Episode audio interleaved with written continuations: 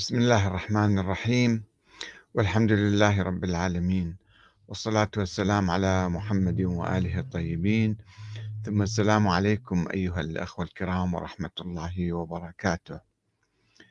إليكم الحلقة الثامنة والثلاثون من كتاب استراتيجية الرسول الأعظم في الدعوة للإسلام. ونتحدث اليوم عن آه، الموقف السلبي لليهود من الإسلام ورفضهم الاستجابة للنبي محمد صلى الله عليه وآله وسلم. وهذا جزء من آه، الفصل الثاني الذي هو الموقف السلبي لليهود من الإسلام وهو أيضا آه، الفصل الثاني من الباب الثاني الذي يحمل عنوان استراتيجية النبي محمد في دعوة اليهود إلى الإسلام من الجزء الثاني. إذا الموقف السلبي لليهود من الإسلام ورفضهم الاستجابة للنبي محمد على عكس توقع النبي محمد صلى الله عليه وآله وسلم لم يستجب عامة اليهود للدعوة الإسلامية عندما قدم إلى المدينة. فقد قام وفد من علماء اليهود وزعمائهم في المدينة ضم كلا من كعب بن الأشرف وحيي بن أخطب وياسر بن أخطب ومالك بن الصيف ووهب ابن يهوذا وفنحاص بن عازوراء. قاموا بزيارة النبي محمد وطالبوه بإثبات نبوته لهم فقالوا له أتزعم أن الله أرسلك إلينا وقد أنزل علينا كتابا عهد إلينا فيه ألا نؤمن لرسول يزعم أنه من عند الله حتى يأتينا بقربان تأكله النار. فإن جئتنا به صدقناك. وربما كان اليهود هنا يشيرون إلى قصة النبي إيلياء مع الملك آخاب. وأنبياء البعل الأربعمائة والخمسين الكذبة. الواردة في سفر ملوك الأول آه، الإصحاح 18 آه، والتي طلب فيها النبي إيلياء وضع ثورين مقطعين على حطب ثم دعا الأنبياء الكذبة إلى دعاء ربهم لإشعال النار في أحد الثورين فعجزوا عن ذلك. بينما تقدم هو ودعا ربه فأنزلت نار الرب والتهمت المحرقة والحطب والحجارة والتراب وحتى الماء الذي في الخندق. كما في التلمود آه، ملوك الأول 38 آه، أيضا. وفيما عدا هذه القصة لا يذكر التراث اليهودي أي معجزة أخرى للأنبياء السابقين أو اللاحقين. أو امتحان صدق الأنبياء بنزول النار وأكل القرابين. ولكن المفسر القرطبي يذكر في تفسيره يقول كان هذا في التوراة ولكن كان تمام الكلام حتى يأتيكم المسيح ومحمد فإذا أتياكم فآمنوا بهما من غير قربان وكان النبي منهم يذبح ويدعو فتنزل نار بيضاء لها دوي وحفيف لا دخان لها فتأكل القربان. وقيل كان أمر القرابين ثابتا إلى أن نسخت على لسان عيسى بن مريم. فكان هذا القول دعوة من اليهود إذ كان ثم استثناء فأخفوه أو نسخ فكانوا في تمسكهم بذلك متعنتين. هكذا يقول القرطبي في تفسيره إلا أن القرطبي في الحقيقة لا يأتي بدليل أو مصدر موثوق على ما يدعي من الاستثناء والنسخ ووجود تتمة الكلام في التوراة اللي ما موجود هذه. وعلى أي حال فقد تفاجأ النبي محمد صلى الله عليه وآله من موقفهم السلبي تجاه الدعوة الإسلامية ورد عليهم بأن اليهود السابقين لم يؤمنوا ببعض الأنبياء وقتلوهم رغم تقديمهم للقرابين حسب ما جاء في هذه الآيات. الذين قالوا إن الله عهد إلينا أن لا نؤمن لرسول حتى يأتينا بقربان تأكله النار. هذه القصة اللي تحدثنا عنها قبل قليل. قل قد جاءكم رسل من قبلي بالبينات وبالذي قلتم فلم قتلتموهم إن كنتم صادقين؟ فإن كذبوك فقد كذب رسل أو كذب رسل من قبلك. جاءوا بالبينات والزبر والكتاب المنير. آل عمران 183 184 وكما نلاحظ فإن القرآن لا ينكر هنا مسألة القرابين في إثبات نبوة الأنبياء السابقين بل يؤكد وجودها. كما يؤكد في مناسبات أخرى إتيان الأنبياء السابقين للمعاجز. كما أن النبي لم يتحدث هنا عن معجزة القرآن كبديل عن المعاجز المادية في مقابل اليهود. ولكن إذا نظرنا إلى الآيتين 23 و 24 من سورة البقرة فقد نجد فيهما جوابا مناسبا ومتزامنا لطلب كعب بن الأشرف وهؤلاء اليهود. وإن كنتم في ريب مما نزلنا على عبدنا فأتوا بسورة من مثله. وادعوا شهداءكم من دون الله إن كنتم صادقين. فإن لم تفعلوا ولن تفعلوا فاتقوا النار التي وقودها الناس والحجارة أعدت للكافرين. البقرة 23 24 بما يعني أن النبي محمد كرر لليهود جوابه الذي تحدى فيه مشركي مكة من قبل أن يأتوا بمثل هذا القرآن المعجزة. ولكن اليهود تمسكوا بموقفهم الرافض للإيمان بالنبي محمد ما عدا فريق صغير منهم اللي أسلموا وتحدثنا عنهم في الحلقة الماضية وطالبوه هؤلاء اليهود عامة اليهود طالبوه بإثبات دعواه بمعاجز وآيات كما يحدثنا القرآن عنهم. فلما جاءهم الحق من عندنا قالوا لولا أوتي مثل ما أوتي موسى أو لم يكفروا بما أوتي موسى من قبل؟ قالوا سحران تظاهرا وقالوا إنا بكل كافرون. القصص 48 وهنا خاطب الله تعالى نبيه الكريم قل فأتوا بكتاب من عند الله هو أهدى منهما أتبعه أتبعه إن كنتم صادقين. فإن لم يستجيبوا لك فاعلم أنما يتبعون أهواءهم ومن أضل ممن اتبع هواه بغير هدى من الله. إن الله لا يهدي القوم الظالمين. القصص 49 50 وأكد لهم ولقد آتينا موسى الكتاب فاختلف فيه ولولا كلمة سبقت من ربك لقضي بينهم وإنهم لفي شك منه مريب. فصلت 45 وفي محاولة من اليهود للتشكيك بنبوة النبي محمد ذهب وفد منهم برئاسة بعض أحبارهم وسادتهم مثل كعب بن أسد وشموئيل بن زيد وجبل بن عمرو بن سكينة. وخاطبوا النبي قائلين يا محمد أمما يعلمك هذا إنس ولا جن؟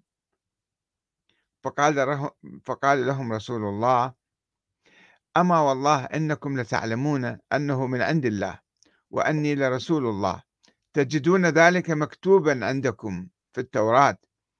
فقالوا يا محمد فأنزل علينا كتابا من السماء نقرأه ونعرفه. وإلا جئناك بمثل ما تأتي به. يعني حكي نجيب لك حكي مثلها. فأنزل الله تعالى قل لئن اجتمعت الإنس والجن على أن يأتوا بمثل هذا القرآن لا يأتون به ولو كان بعضهم لبعض ظهيرا. الإسراء 88 كما يقول ابن هشام في السيرة النبوية جزء 2 صفحة 220 ينقل هذه القصة قصة الحوار مع النبي. وفي رواية أخرى قالوا إن كنت صادقا أنك رسول الله فآتنا كتابا مكتوبا من السماء. كما جاء موسى بني إسرائيل بالتوراة مكتوبة من عند الله. فنزلت الآيات التالية التي لم تكتفي بالرد وإنما شنت هجوما عنيفا وشاملا عليهم. يوضح مخالفاتهم للنبي موسى وعصيانهم لأوامره رغم اعترافهم بنبوته. يسألك أهل الكتاب أن تنزل عليهم كتابا من السماء. فقد سألوا موسى أكبر من ذلك فقالوا أرنا الله جهرة. فأخذتهم الصاعقة بظلمهم ثم اتخذوا العجل من بعد ما جاءتهم البينات. فعفونا عن ذلك وآتينا موسى سلطانا مبينا ورفعنا فوقهم الطور بميثاقهم وقلنا لهم ادخلوا الباب سجدا وقلنا لهم لا تعدوا في السبت. وأخذنا منهم ميثاقا غليظا. فبما نقضهم ميثاقهم وكفرهم بآيات الله وقتلهم الأنبياء بغير حق وقولهم قلوبنا غلف بل طبع الله عليها بكفرهم فلا يؤمنون إلا قليلا. وبكفرهم وقولهم على مريم بهتانا عظيما وقولهم إنا قتلنا المسيح عيسى ابن مريم رسول الله وما قتلوه وما صلبوه ولكن شبه لهم. وإن الذين اختلفوا فيه لفي شك منه ما لهم به من علم إلا اتباع الظن وما قتلوه يقينا بل رفعه الله إليه وكان الله عزيزا حكيما. وإن من أهل الكتاب إلا ليؤمنن به قبل موته ويوم القيامة يكون عليهم شهيدا. فبظلم من الذين هادوا حرمنا عليهم طيبات أحلت لهم وبصدهم عن سبيل الله كثيرا. وأخذهم الربا وقد نهوا عنه وأكلهم أموال الناس بالباطل وأعتدنا للكافرين منهم عذابا أليما. النساء 153 إلى 160 وقالت اليهود للنبي محمد صلى الله عليه وآله ألا تكلم الله وتنظر إليه إن كنت نبيا كما كلمه موسى ونظر إليه؟ وقالوا لن نؤمن لك حتى تفعل ذلك. فقال النبي لم ينظر موسى إلى الله عز وجل ونزلت هذه الآية. وما كان لبشر أن يكلمه الله إلا وحيا أو من وراء حجاب. مو يشوف الله قدامه. السورة 51 كما يقول الواحد آه، في أسباب النزول. وربما قال اليهود ذلك بناء على فهمهم لظاهر آية وكلم الله موسى تكليما اللي واردة في سورة النساء 164 وآية ولما جاء موسى لميقاتنا وكلمه ربه قال ربي أرني أنظر إليك. الأعراف 143 آه، وآية فلما أتاها نودي من شاطئ الوادي الأيمن في البقعة المباركة من الشجرة أي يا موسى إني أنا الله رب العالمين. القصص 30 أو الآية الأخرى فلما أتاها نودي يا موسى أنا ربك فاخلع عليك إنك بالوادي المقدس طوى وأنا اخترتك فاستمع لما يوحى. إنني أنا الله لا إله إلا أنا فاعبدني وأقم الصلاة لذكري. طه من 11 إلى 14 فهم يمكن كان ينظرون أو يعتقدون أنه يعني كلام الله مع موسى يعني كان مشافهة.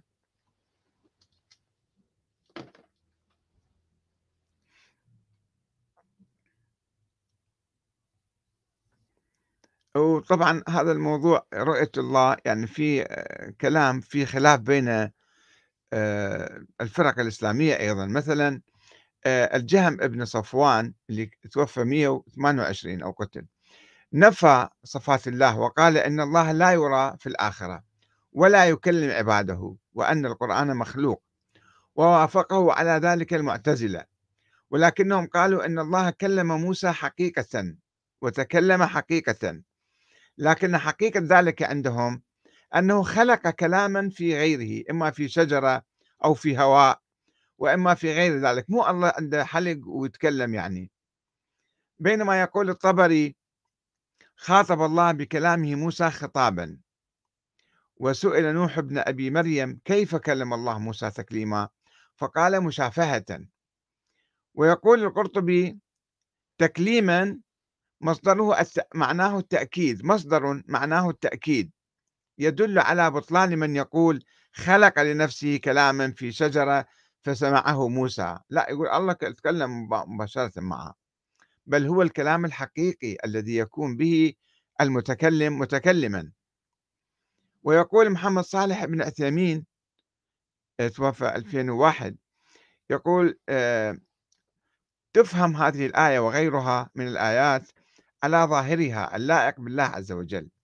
فمن هذه الآية نفهم أن الله سبحانه وتعالى كلم موسى وقد بين في آية أخرى أنه كلمه بصوت مسموع فقال وناديناه من جانب الطور الأيمن وقربناه نجيا مريم 52 والنداء يكون بالصوت العالي من بعيد والمناجاة بالصوت الخفي ومن هنا نعلم أن الله سبحانه وتعالى يتكلم بما شاء متى شاء كيف شاء وأن كلامه بحروف وأصوات مسموعة. هذا كما يقول ابن عثيمين في كتابه فتاوى على الدرب جزء 5 صفحة 2 المهم هذه الآيات التي تتحدث عن تكلم تكلم الله تكلم الله مع موسى ربما اليهود فهموا عند هذا المعنى أنه الله مشافهة فطلبوا من النبي محمد أن يعني يكلمه الله مباشرة. وهي آيات تصرح بنوع مباشر ومختلف من الوحي عن الذي كان ينزل على الأنبياء السابقين واللاحقين.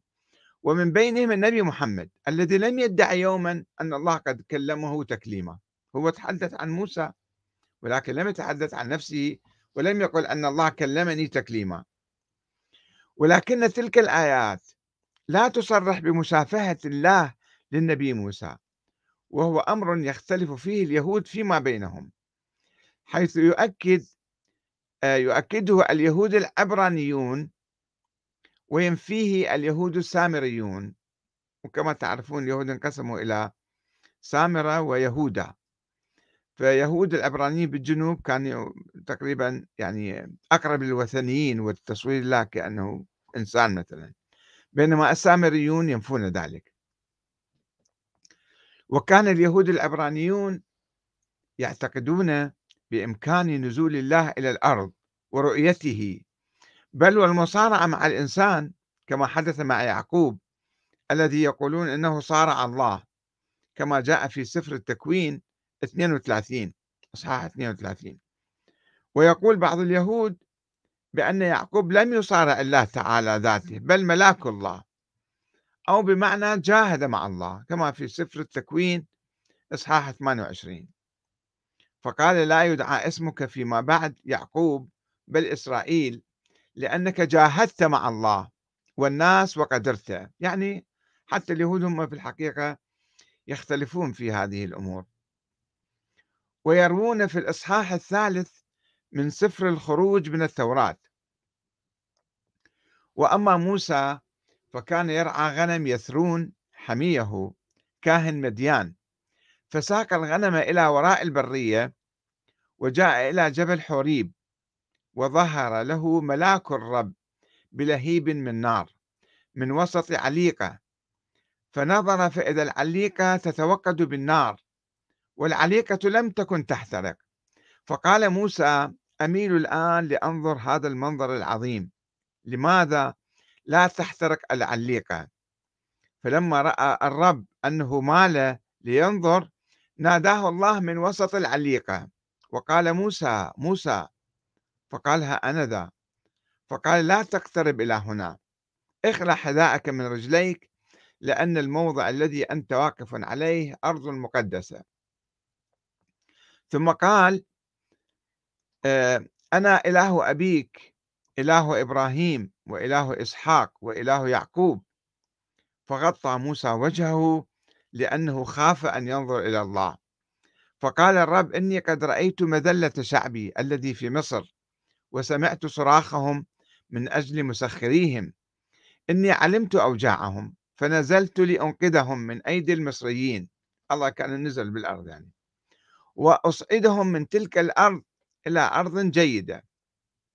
اذهب واسمع شيوخ بني إسرائيل وقل لهم الرب إله آبائكم إبراهيم وإسحاق ويعقوب ظهر لي قائلا إني قد افتقدتكم يعني الآن مهتم فيكم. ويبدو من هذا النص التوراتي أن موسى كان يرى الرب عز وجل أو شبحه. اللي غطى وجهه حتى ما يشوفه يعني. أو كان اليهود يحسبون ملاك الرب هو الله الذي يقولون أنه ظهر لموسى. وكان يسير في عمود من نار أو عمود من سحاب ليرشدهم أو ينزل أمام خيمة الاجتماع. ولذلك طلب اليهود العبرانيون من النبي محمد أن يكلم الله تكليما كما كلم الله موسى تكليما أي مباشرة. وعلى أي حال فقد جاء الوحي ليطمئن النبي في مقابل تشكيكات اليهود ومطالبتهم بإنزال صحف مكتوبة كما نزلت على موسى. لكن الله يشهد بما أنزل إليك أنزله بعلمه والملائكة يشهدون وكفى بالله شهيدا. النساء 166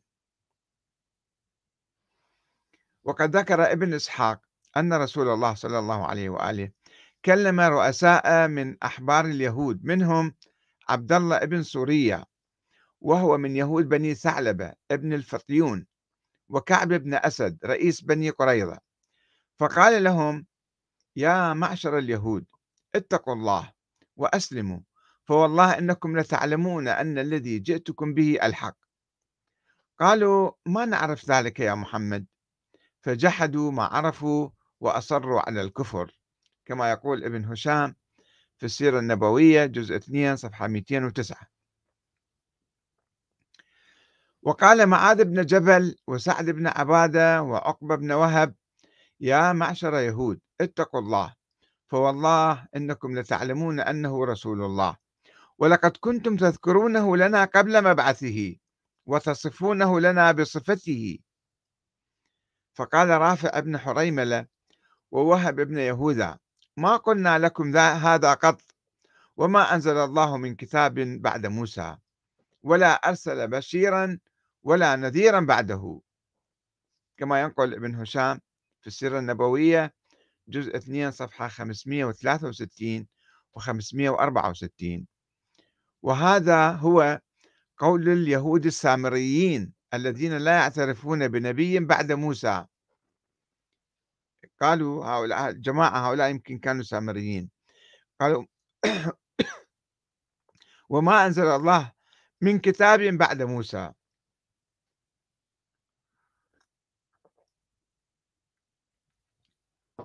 ولا أرسل بشيرا ولا نذيرا بعده. يعني ما يعترفون بكل أنبياء التلمود. آه، فأنزل الله تعالى هذه الآية. يسألك أهل الكتاب أن تنزل عليهم كتابا من السماء. فقد سألوا موسى أكبر من ذلك فقالوا أرنا الله جهرة؟ فأخذتهم الصاعقة بظلمهم ثم اتخذوا العجل من بعد ما جاءتهم البينات فعفونا عن ذلك وآتينا موسى سلطانا مبينا. النساء 153 وقال أبو صلوبة الفطيوني لرسول الله يا محمد ما جئتنا بشيء لا نعرفه؟ وما أنزل الله عليك من آية فنتبعها فنتبعك لها. كما يذكر ابن هشام في السيرة النبوية جزء 2 صفحة 548 وقال حيي بن أخطب وكعب بن أسد وأبو رافع وأشيع وشموئيل بن زيد لعبد الله بن سلام حين أسلم. هذا من علمائهم وأسلم قالوا له ما تكون النبوة في العرب ولكن صاحبك ملك. كانوا ينظرون أن محمد كأنه ملك يعني. وقد رد عليهم القرآن ذلك فضل الله يؤتيه من يشاء والله ذو الفضل العظيم. ما في عرب ويهود أو الجمعة آه، آية أربعة. ولكن القرآن وجه اتهاما صريحا لليهود بأنهم يعرفون حقيقة النبي وينكرونها. الذين آتيناهم الكتاب يعرفونه كما يعرفون أبناءهم الذين خسروا أنفسهم فهم لا يؤمنون الأنعام عشرين. وندد بالمكذبين قائلا ومن أظلم ممن افترى على الله كذبا أو كذب بآياته إنه لا يفلح الظالمون. الأنعام 21 وهددهم قائلا يا أيها الذين أوتوا الكتاب آمنوا بما نزلنا مصدقا لما معكم من قبل من قبل أن نطمس وجوها فنردها على أدبارها أو نلعنهم كما لعنا أصحاب السبت وكان أمر الله مفعولا. النساء 47 وخاطبهم قائلا قل آمنوا به أو لا تؤمنوا. إن الذين أوتوا العلم من قبله إذا يتلى عليهم يخرون الأذقان سجدا ويقولون سبحان ربنا إن كان وعد ربنا لمفعولا. الإسراء 107 108 وقل للذين أوتوا الكتاب والأميين أأسلمتم؟ فإن أسلموا فقد اهتدوا وإن تولوا فإنما عليك البلاغ والله بصير بالعباد. آل عمران 20 وشبه القرآن أهل الكتاب اليهود الذين طلبوا من النبي إثبات نبوته بمعاجز شبههم بالمشركين من أهل مكة. وقال الذين لا يعلمون لولا يكلمنا الله أو تأتينا آية. كذلك قال الذين من قبلهم مثل قولهم تشابهت قلوبهم قد بينا الآيات لقوم يوقنون. البقرة 118 وأشار النبي في آية أخرى إلى إصرار اليهود على الكفر بالرغم من نزول البينات والآيات. كما كفروا بالنبي عيسى الذي كان يأتيهم بالمعجزات واتهامهم له بالسحر. إذ قال الله يا عيسى ابن مريم أذكر نعمتي عليك وعلى والدتك إذ أيدتك بروح القدس تكلم الناس في المهد وكهلا وإذ تخلق من الطين كهيئة الطير بإذني فتنفخ فيها فتكون طيرا بإذني وتبرئ الأكمه والأبرص بإذني وإذ تخرج الموتى بإذني وإذ كففت بني إسرائيل عنك إذ جئتهم بالبينات فقال الذين كفروا منهم إن هذا إلا سحر مبين المائدة 110 وأيضا في هذه الآية الأخرى وإذ قال عيسى ابن مريم يا بني إسرائيل إني رسول الله إليكم مصدقا لما بين يدي من التوراة ومبشرا برسول يأتي من بعد اسمه أحمد. فلما جاءهم بالبينات قالوا هذا سحر مبين الصف ستة. ومن هنا فقد رفض النبي نهائيا الاستجابة لطلب اليهود بالإتيان بالمعاجز كما رفض من قبل الاستجابة لطلب المشركين المشابه وقرأ عليهم قوله تعالى ويقول الذين كفروا لولا أنزل عليه آية من ربه إنما أنت منذر ولكل قوم هاد. الرعد سبعة واستثنى منهم اليهود الذين أعلنوا إسلامهم. الذين يتبعون الرسول النبي الأمي الذي يجدونه مكتوبا عندهم في التوراة والإنجيل الأعراف 157 الذين آتيناهم الكتاب من قبله هم به يؤمنون وإذا يتلى عليهم قالوا آمنا به إنه الحق من ربنا. إنا كنا من قبله مسلمين أولئك يؤتون أجرهم مرتين بما صبروا ويدرؤون ويدرؤون بالحسنة السيئة ومما رزقناهم ينفقون. القصص 52 إلى 54 هذه الآية التي يقال أنها نزلت في عبد الله بن سلام وأصحابه وكذلك الراسخين في العلم. لكن الراسخون في العلم منهم والمؤمنون يؤمنون بما أنزل إليك وما أنزل من قبلك والمقيمين الصلاة والمؤتون الزكاة والمؤمنون بالله واليوم الآخر. أولئك سنؤتيهم أجرا عظيما. النساء 161 وميز القرآن بين اليهود المؤمنين والكافرين. فقال وقطعناهم في الأرض أمما منهم الصالحون ومنهم دون ذلك. وبلوناهم بالحسنات والسيئات لعلهم يرجعون.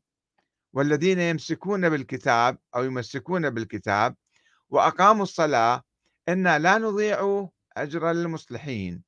الأعراف 168 و 170 وبالرغم من مواقف اليهود السلبية تجاه النبي والإسلام والمسلمين فإن القرآن دعا إلى النظر إليهم باعتدال وموضوعية وعدم تعميم النظرة السلبية تجاههم.